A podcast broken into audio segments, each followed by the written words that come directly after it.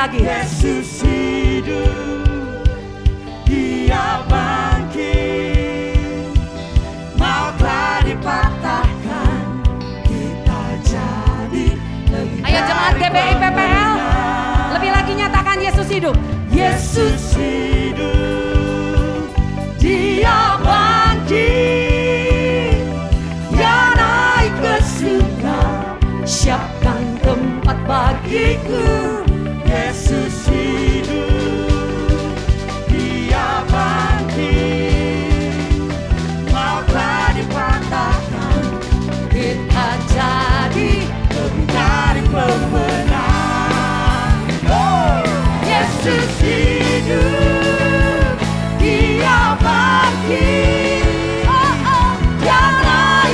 sudah siapkan tempat bagiku? Yesus hidup Dia bangkit. Mau kau dipatahkan Sekali lagi ya. Sekali lagi nyatakan. Yesus. Yesus hidup. Dia bangkit. Amin.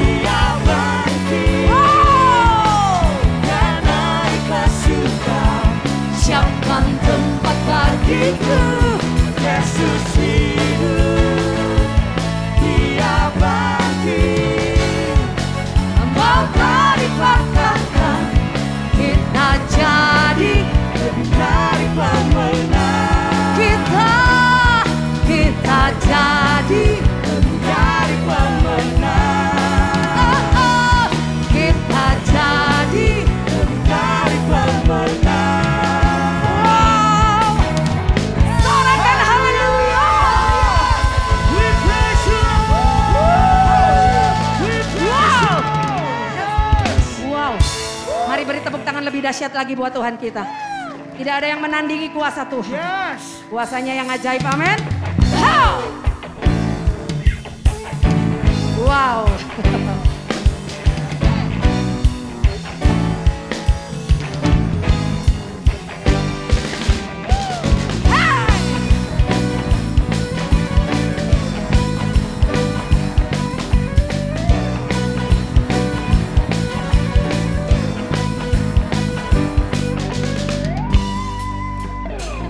Para siapa kau bandingkan perbuatannya yang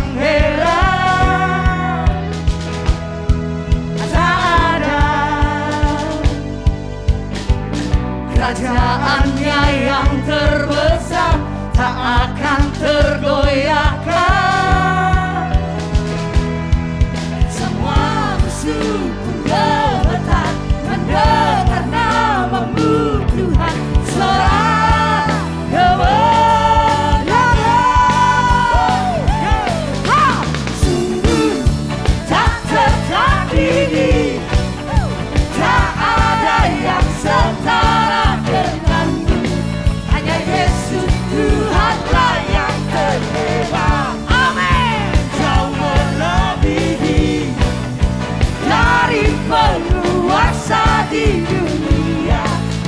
答案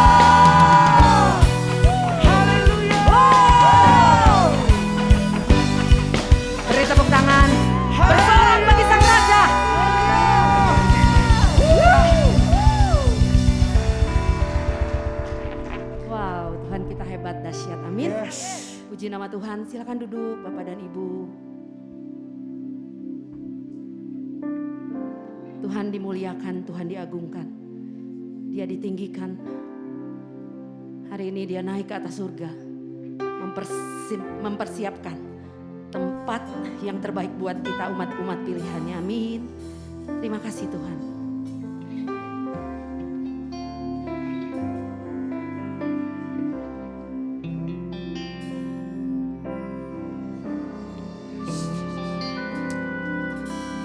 Yesus Tuhan.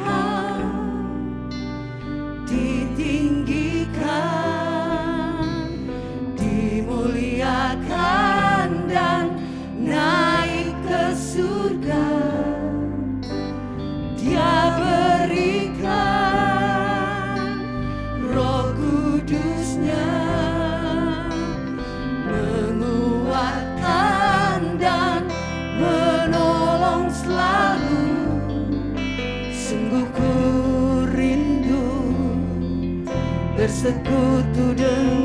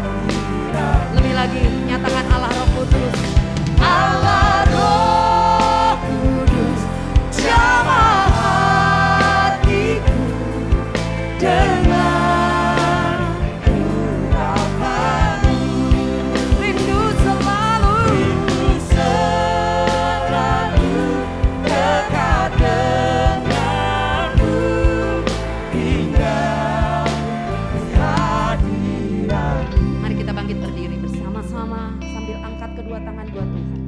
Katakan bersama.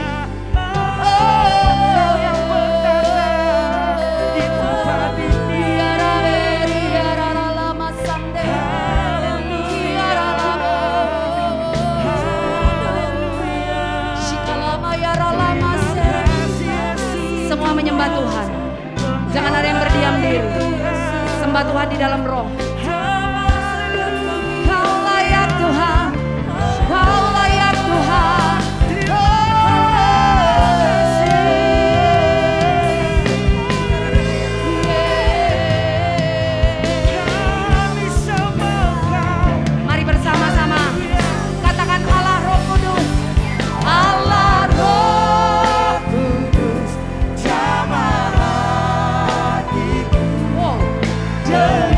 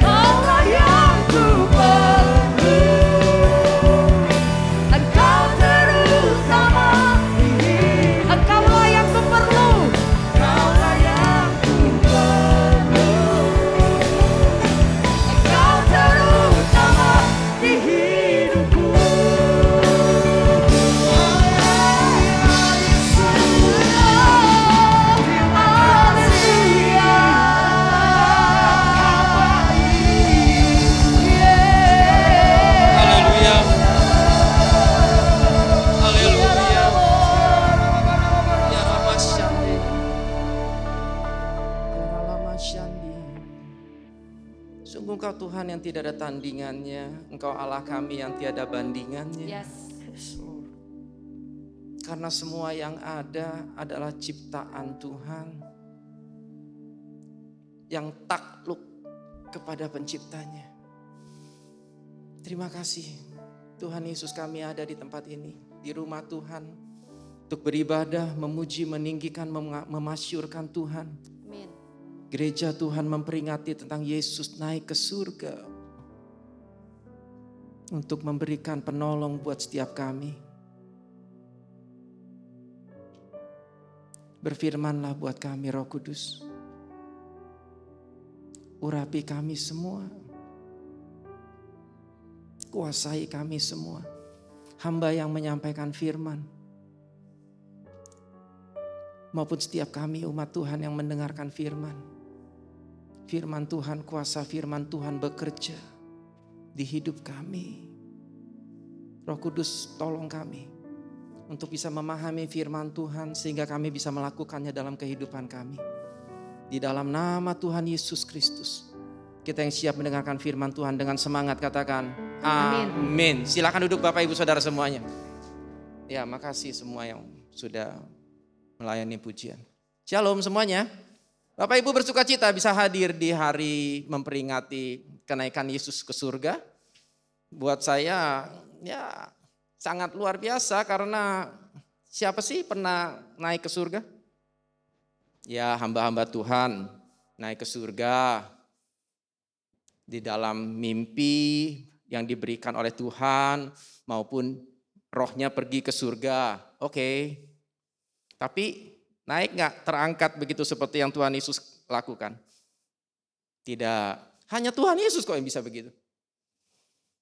Sungguh tadi pujian tadi mengatakan tak tertandingi. Ya ya, saya kali suka kalimat itu. Tuhan memang tidak tertandingi dan Tuhan tidak ada bandingannya.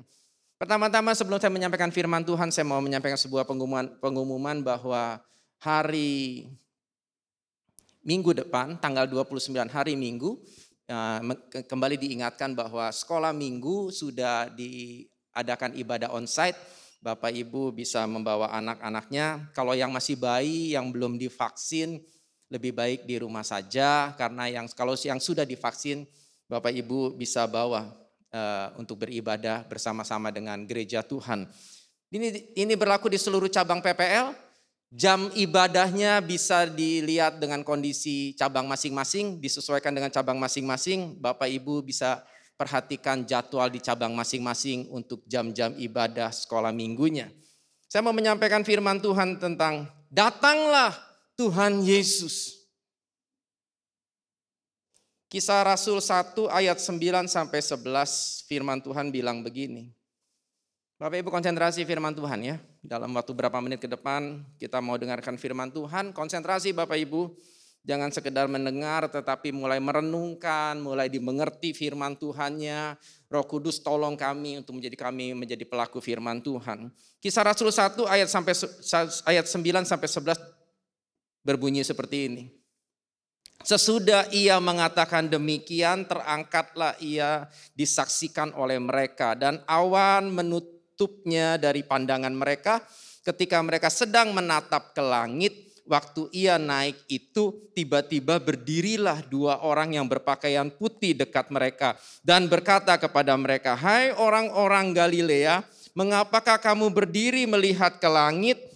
Yesus ini yang terangkat ke surga meninggalkan kamu akan datang kembali. Tiga empat katakan. Ak dengan cara yang sama seperti kamu lihat dia naik ke surga. Sebelum Tuhan Yesus naik ke surga, Tuhan sudah berkata bahwa dia akan datang kembali. Pesan terakhir Tuhan Yesus, dia mengatakan dia akan datang kembali. Sebelum Yesus naik ke surga, yang diberikan adalah janji. Dia berjanji.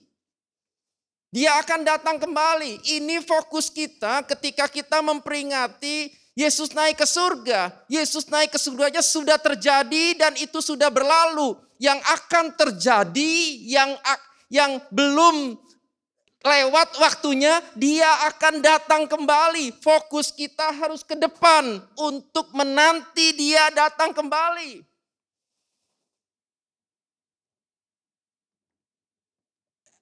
Kisah Rasul 1 ayat 9 sampai 11 itu ditulis oleh Lukas setelah Yesus naik ke surga. Sebelum Yesus naik ke surga, ketika Yesus masih bersama-sama dengan murid, dengan para murid, Yesus pun ngomong yang sama. Matius 26 ayat 63 dan 64, terjemahan sederhana Indonesia berkata seperti ini. Matius 26 ayat 63 dan 64. Tetapi Yesus tetap diam, lalu Kayafas berkata lagi kepadanya, dalam nama Allah yang hidup, aku menyuruh kamu untuk menjawab dengan sejujurnya. Apakah kamu adalah Kristus yaitu anak Allah? Jawab Yesus kepadanya, demikianlah. Bahkan aku berkata kepada kalian bahwa mulai sekarang bahwa mulai sekarang kalian akan melihat aku sebagai sang manusia duduk di tempat yang paling terhormat di sebelah yang maha kuasa. Dan ketika aku datang kembali dari surga, kalian akan melihat aku di antara awan-awan. Sebelum Yesus kembali, ke surga, dia sudah ngomong sama murid-murid. Sama semua banyak orang di tempat terbuka ketika dia ditangkap dan diadili. Dia katakan dia akan datang kembali. Dan di akhir Alkitab kita, di pasal terakhir, di ayat dua ayat terakhir, kembali kita diingatkan. Wahyu 22 ayat 20. Ia yang memberi kesaksian tentang semuanya ini berfirman, Ya, aku datang segera.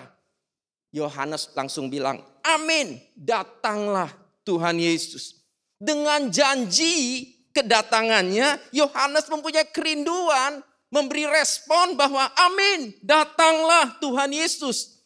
Demikian juga saudara dan saya, kita semua, juga Bapak Ibu yang ada di rumah. Kita harus respon, memberi respon, memberi tanggapan bahwa kalau Yesus dia akan datang kembali, apakah kita rindu seperti kata Yohanes? Amin. Datanglah Tuhan Yesus. Kita harus memiliki kerinduan seperti yang Yohanes miliki. Yohanes bergaul dengan Tuhan Yesus. Makanya pertanyaannya, apakah kita bergaul dengan Tuhan Yesus dengan baik? Apakah kita bergaul dengan firman-Nya dengan baik? Bagaimana caranya untuk memiliki kerinduan yang dalam sehingga kita pun menjadi anak-anak Tuhan yang masih hidup di muka bumi ini tetapi miliki kerinduan. Datanglah Tuhan Yesus. Atau kita jadi orang Kristen yang Jangan datang dulu, jangan datang dulu. Aku pengen hidup sampai panjang. Jangan datang dulu, jangan datang dulu. Kenapa banyak orang Kristen seperti itu? Kalau ditanya takut mati ya? Bukan, bukan, bukan. Enggak, enggak, enggak. Enggak ada yang mau ngaku semua. Pertanyaannya di hati kita, kita harus evaluasi kenapa kita nggak mau cepat pulang. Atau kenapa kita tidak merindukan kedatangan Tuhan atas hidup kita. Kalau kita tidak memiliki kerinduan, Yesus, uh, datanglah Tuhan Yesus. Yang perlu dicek adalah seberapa kerinduan kita berjumpa dengan Tuhan Yesus. Apa sih yang bikin kita bisa rindu akan kedatangannya? Apa yang harus kita kan harus memiliki kerinduan akan kedatangan Tuhan atas hidup kita. Caranya seperti apa? Apa yang harus kita lakukan? Yang pertama, tidak mencintai dunia ini. Sebab orang yang mencintai dunia ini, dia jauh dari kehendak Allah. Dia ke, jauh dari kehendak Bapa. Yuk kita sama-sama sama melihat 1 Yohanes 2 ayat 15 sampai 17. Terjemahan sederhana Indonesia mengatakan begini. Janganlah mencintai kehidupan duniawi dan apa pun yang termasuk di dalamnya.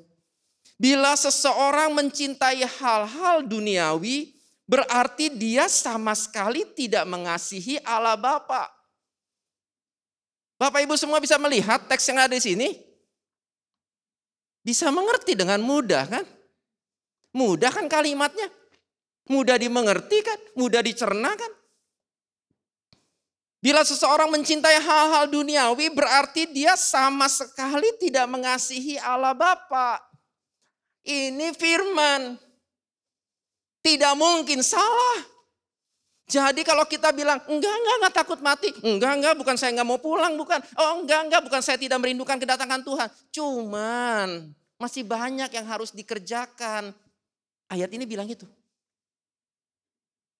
Saya katakannya dengan dengan dengan dengan dengan ketimuran, dengan santun, jangan-jangan orang Kristen banyak yang tidak mengasihi Allah. Ayat 16 bilang apa? Karena semua yang berasal dari dunia ini menjauhkan kita dari Allah. Sifat-sifat duniawi adalah hawa nafsu badani. Keinginan untuk memiliki apa yang kita lihat dan kesombongan atas apa yang kita miliki. Ketiga sifat itu bukan berasal dari Allah. Melainkan dari dunia ini. Gampang kan? Saya juga nggak pinter. Tapi kalau lihat kalimat ini, oh dan kalimat ini tertulis di Alkitab kita. Kitab suci orang percaya. Dan itu isinya firman Tuhan. Tidak mungkin salah isi, tidak mungkin salah ucap, tidak mungkin. Firman yang tertulis itu untuk kepentingan si penulis. Karena kita mempercayai Alkitab kita adalah firman Tuhan. Jadi firman Tuhan ini pesan untuk kita. 17, ingatlah bahwa dunia dan segala isinya yang diinginkan manusia sedang menuju kebinasaan. Tetapi orang-orang yang melakukan kehendak Allah akan tetap hidup selama-lamanya. Yang setuju katakan. Yang jika kita mencintai kehidupan dunia, jika kita mengasihi kehidupan duniawi, tidak mungkin kita merindukan kedatangan Tuhan. Tidak mungkin, itu ayatnya ngomong gitu. Sedangkan Tuhan datang kembali itu kehendak Tuhan. Jika kita mengasihi kehidupan duniawi, kita tidak setuju, kita tidak sepakat dengan kehendak Tuhan. Dia datang lagi. Hanya orang-orang yang melakukan kehendak Bapa yang rindu akan kedatangannya kembali.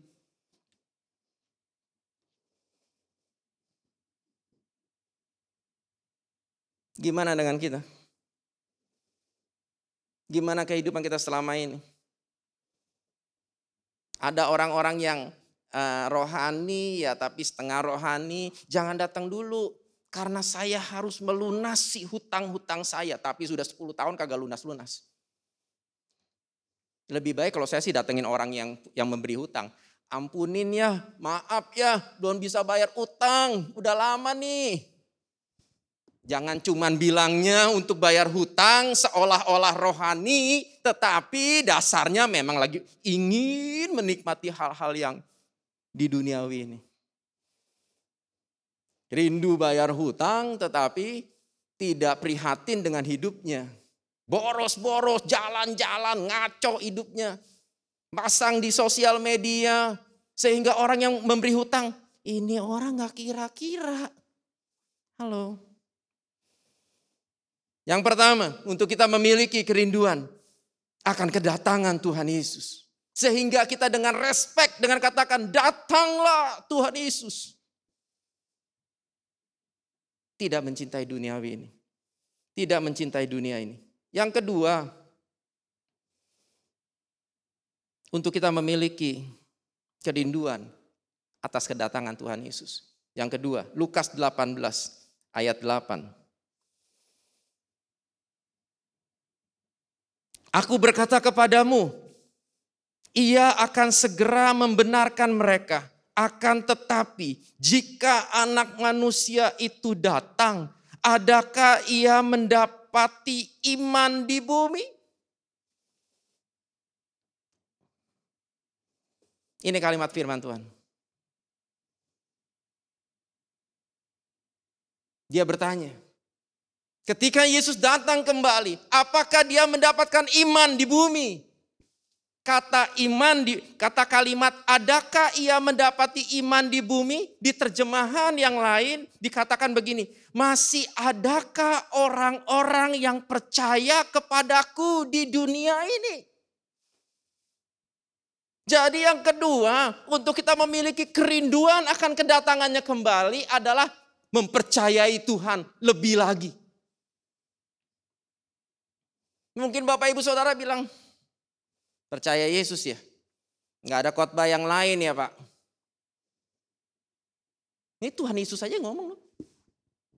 Bahwa dia mencari orang-orang yang apakah masih ada yang akan percaya sama dia di dunia ini. Artinya banyak orang yang akan kehilangan percayanya kepada Tuhan Yesus. Begitu kan? Makanya dia pesankan kalau dia datang yang dia cari yang pertama adalah masih adakah orang yang masih mempercayai aku? Itu kan? Dia datang kembali sudah punya apa ibu? Mobilnya udah punya berapa? Rumahnya sudah makin gede? Perusahaan sudah semakin expans? Bukan itu yang ditanya. Oleh sebab itu, untuk mempercayai Tuhan lebih lagi. Itu yang dicari Tuhan ketika dia datang kembali. Persiapkan diri kita. Kalau Tuhan belum datang atas hidup kita, dia belum datang kembali, kan kesempatan untuk kembali jagai hidup kita. Menjauhi cinta akan dunia ini. Caranya gimana sih menjauh dari apa mencintai dunia? Lepaskan hakmu. Itu tambahan untuk poin satu. Yang kedua, percaya. Karena dia mencari orang-orang percaya kepada dia. Yesus mencari orang-orang yang tetap mempercayai Yesus sebagai Tuhan. Bapak Ibu Saudaraku, ini pesan loh. Jangan cuma bilang khotbahnya itu ya Pak, percaya doang ya. murid-murid Tuhan Yesus, ketika Maria Magdalena bawa berita, Tuhan bangkit, kuburnya kosong. Alkitab mencatat.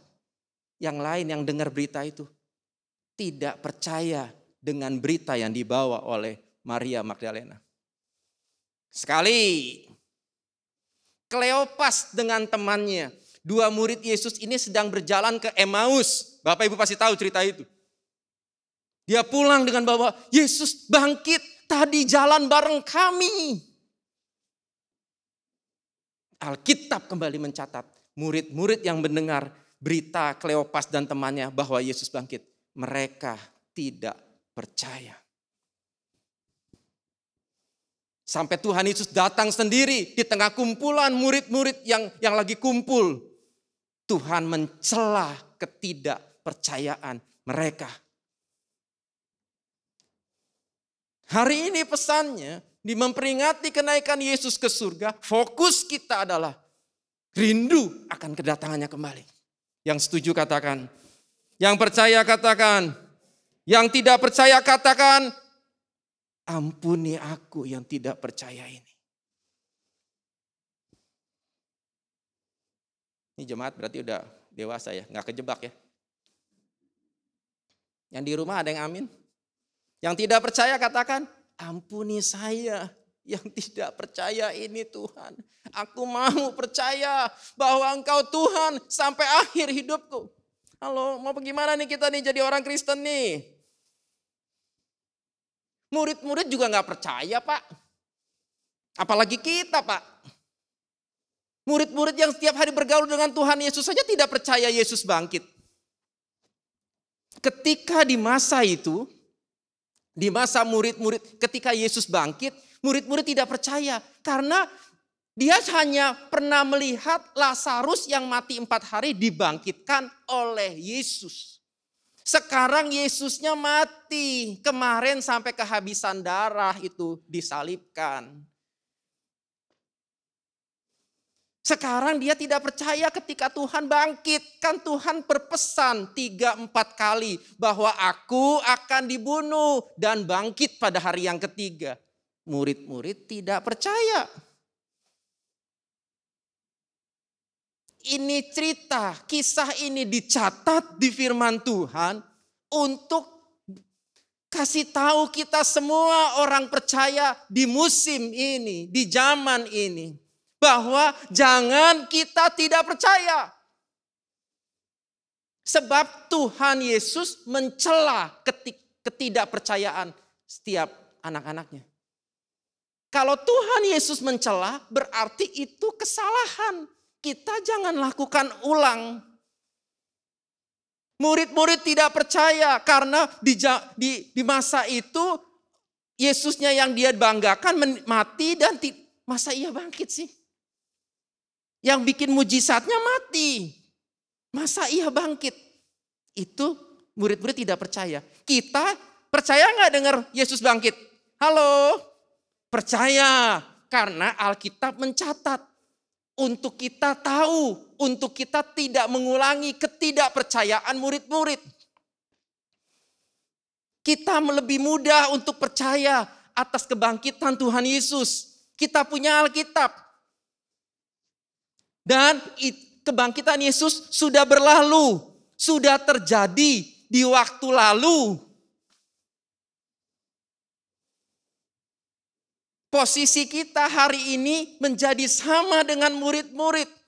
Kalau murid-murid tidak percaya karena Tuhannya mati, bangkit kembali, sekarang saudara dan saya diperhadapkan dengan firman bahwa Yesus akan datang kembali. Percayakah Bapak Ibu?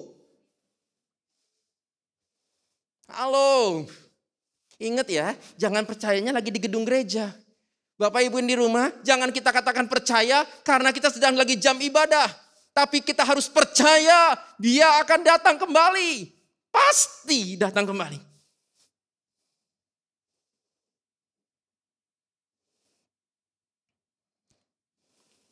Bapak Ibu Saudaraku. Ini belum terjadi loh. Ini akan terjadi. Dia akan datang kembali. Dan yang dia cari adalah apakah masih ada orang yang percaya kepada Yesus. Dia mencari itu. Oleh sebab itu ini kan pesan buat kita. Yang harus kita kerjakan sebagai orang percaya. Yang harus kita lakukan sebagai orang Kristen. Tetap percaya pada Yesus sekalipun doa kita belum dijawab.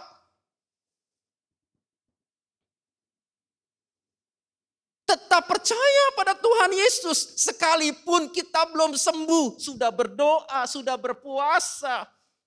Sudah rajin ibadah. Tapi belum dijawab, belum disembuhkan Tuhan. Bagian kita tetap percaya.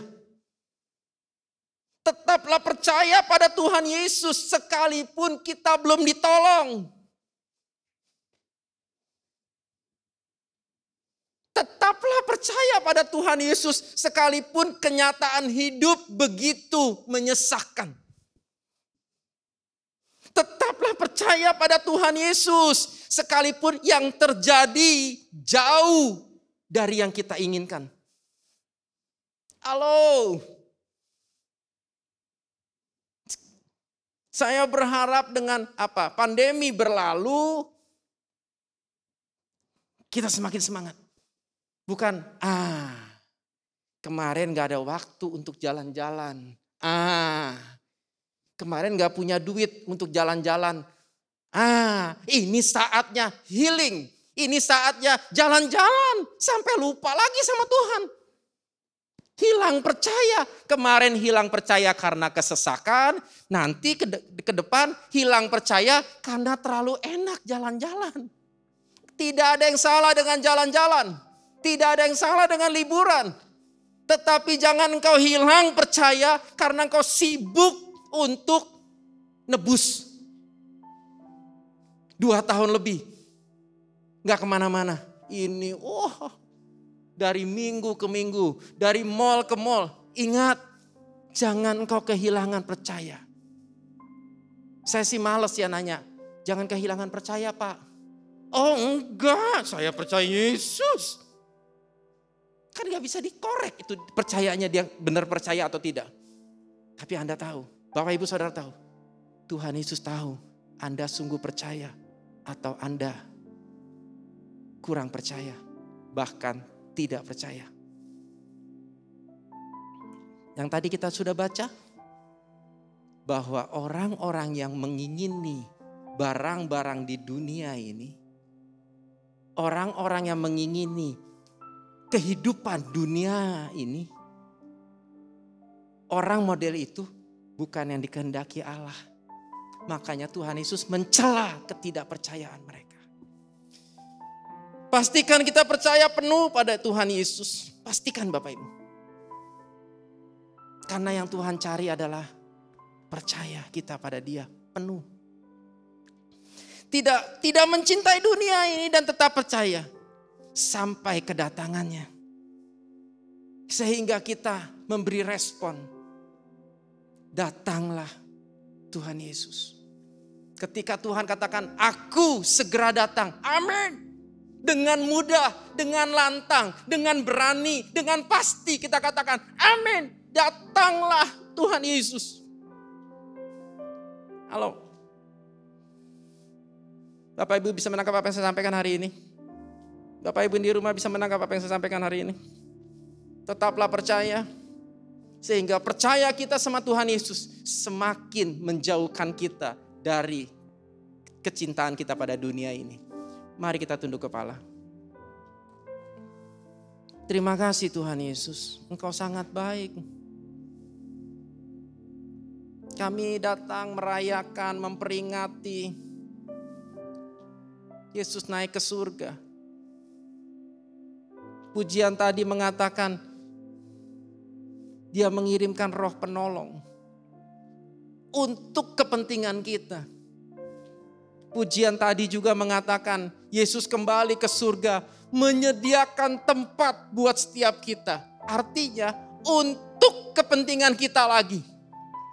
Semua yang Tuhan kerjakan di hidup kita, yang kita rasakan enak ataupun tidak enak, yang pasti untuk kepentingan Bapak, Ibu, Saudara, dan saya.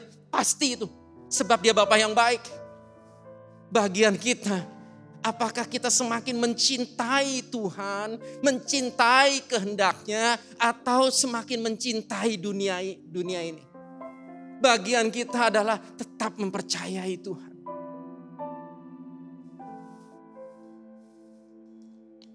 Biar pujian ini menjadi perenungan buat kita.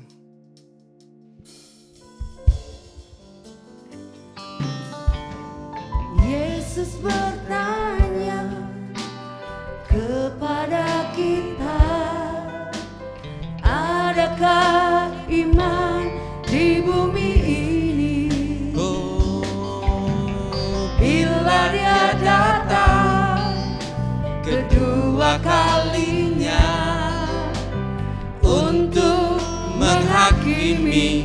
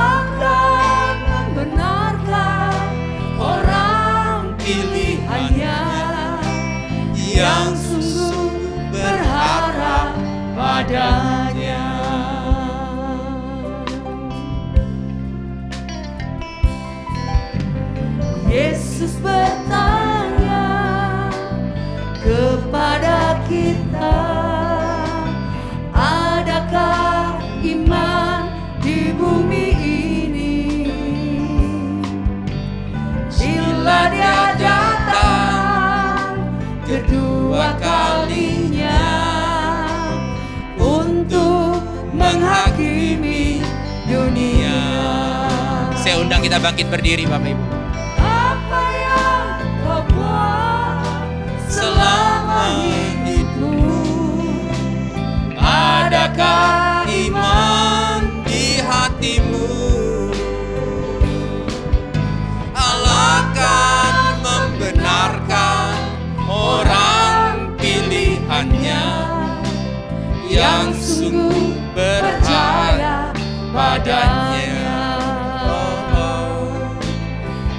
Sungguh percaya padanya.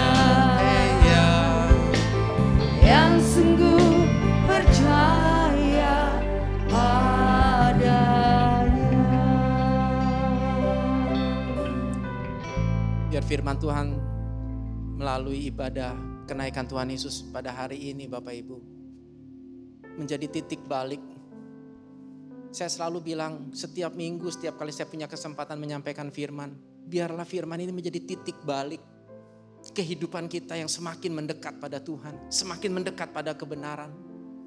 Kalau bulan-bulan kemarin, tahun-tahun kemarin, kita tidak pernah ambil sebuah sikap titik balik.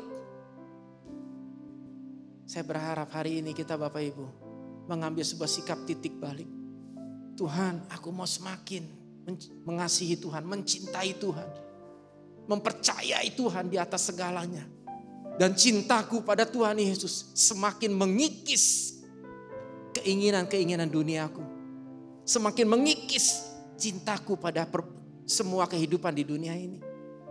Kita masih hidup di dunia, iya, iya. Tapi cara kita hidup jangan seperti dunia ini. Cara kita hidup harus seperti firman Tuhan. Tuhan terima kasih ya untuk pagi ini. Biar semua umat Tuhan yang mendengarkan firman Tuhan ini mengambil sebuah sikap, komitmen untuk berbalik semakin mendekat pada kebenaran dan menghidupi kebenaran firman. Yes. Semakin mempercayai Tuhan apa pun yang terjadi. Amin. Terima kasih Tuhan, berkati seluruh umatmu ini. Berkati kesehatannya, berkati rumah tangganya, berkati usaha dan pekerjaannya, berkati studi anak-anak kami Tuhan. Buat rumah tangga-rumah tangga Kristen, orang percaya, umat Tuhan. Menjadi keluarga yang mencerminkan tentang surga. Yang mencerminkan tentang keindahan Tuhan Yesus di atas segalanya. Tuhan berkati ya umatmu, Tuhan berkati pengerjamu. Di dalam nama Yesus Tuhan. Biar gereja ini menjadi gereja yang menyelesaikan maksud Tuhan. Di dalam nama Yesus. Berkati Bapakku untuk seluruh jemaat Tuhan yang yang cinta pada rumah Tuhan, yang memberikan pers- persembahan untuk kepentingan rumah Tuhan, yang taat pada firman Tuhan, mengembalikan persepuluhan. Tuhan perhitungkan semuanya itu. Berkati Tuhan, tambah-tambahkan anugerah, tambah-tambahkan dengan keberhasilan dan kelimpahan di dalam nama Tuhan Yesus. Kami juga berdoa, Tuhan untuk para pemimpin rohani kami. Tuhan kau berikan pewahyuan, tuntunan untuk kami gerejamu, PPL seluruh cabang menjadi umat yang layak di hadapan Tuhan. Amin. Berkati Tuhan untuk bangsa ini. Tuhan jagai, Tuhan kami mohon pembelaan Tuhan atas bangsa ini. Yes. Jauhkan dari maksud jahat orang. Semua rencana jahat diporak-porandakan. Yang ada hanya kebenaran. Pakai presiden kami Tuhan untuk menyelesaikan kemajuan buat bangsa ini. Tuhan tolong berkati, beri hikmat, beri marifat, beri wibawa Allah, beri ke- kemampuan, beri kekuatan untuk memimpin bangsa ini. Yes. Lindungi presiden kami, lindungi keluarganya, lindungi wakil presiden, lindungi orang-orang yang bekerja untuk kepentingan bangsa ini. Berkati Bapak, semua rencana-rencana ke depan Tuhan buat berhasil untuk kemakmuran, keberhasilan, hasil bumi yang diberkati untuk kemakmuran bangsa ini. Di dalam nama Yesus Tuhan, berkati Bapakku. Seluruh Indonesia ini Tuhan. Dipelihara Tuhan, dilindungi Tuhan. Indonesia diselamatkan Tuhan. Di dalam nama Yesus. Indonesia jadi berkat juga untuk bangsa-bangsa lain. Terima kasih Bapak di surga. Sebentar kami akan berpisah, kami akan pulang. Kami mau angkat tangan kami dan buka hati untuk terima berkat. Bapak Ibu Saudaraku yang kekasih. Terimalah damai sejahtera sukacita yang dari Bapa di surga. Pastikan hidupmu berbahagia. Semua berkat rohani, semua berkat jasmani tercurah berlimpah-limpah dari Allah Bapa di surga. Cinta kasih yang sempurna dari Tuhan Yesus Kristus menyelamatkan hidup kita.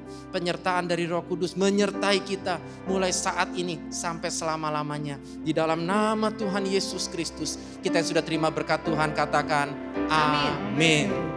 Silakan duduk Bapak Ibu Saudara. Kita akan li- lihat pengumuman.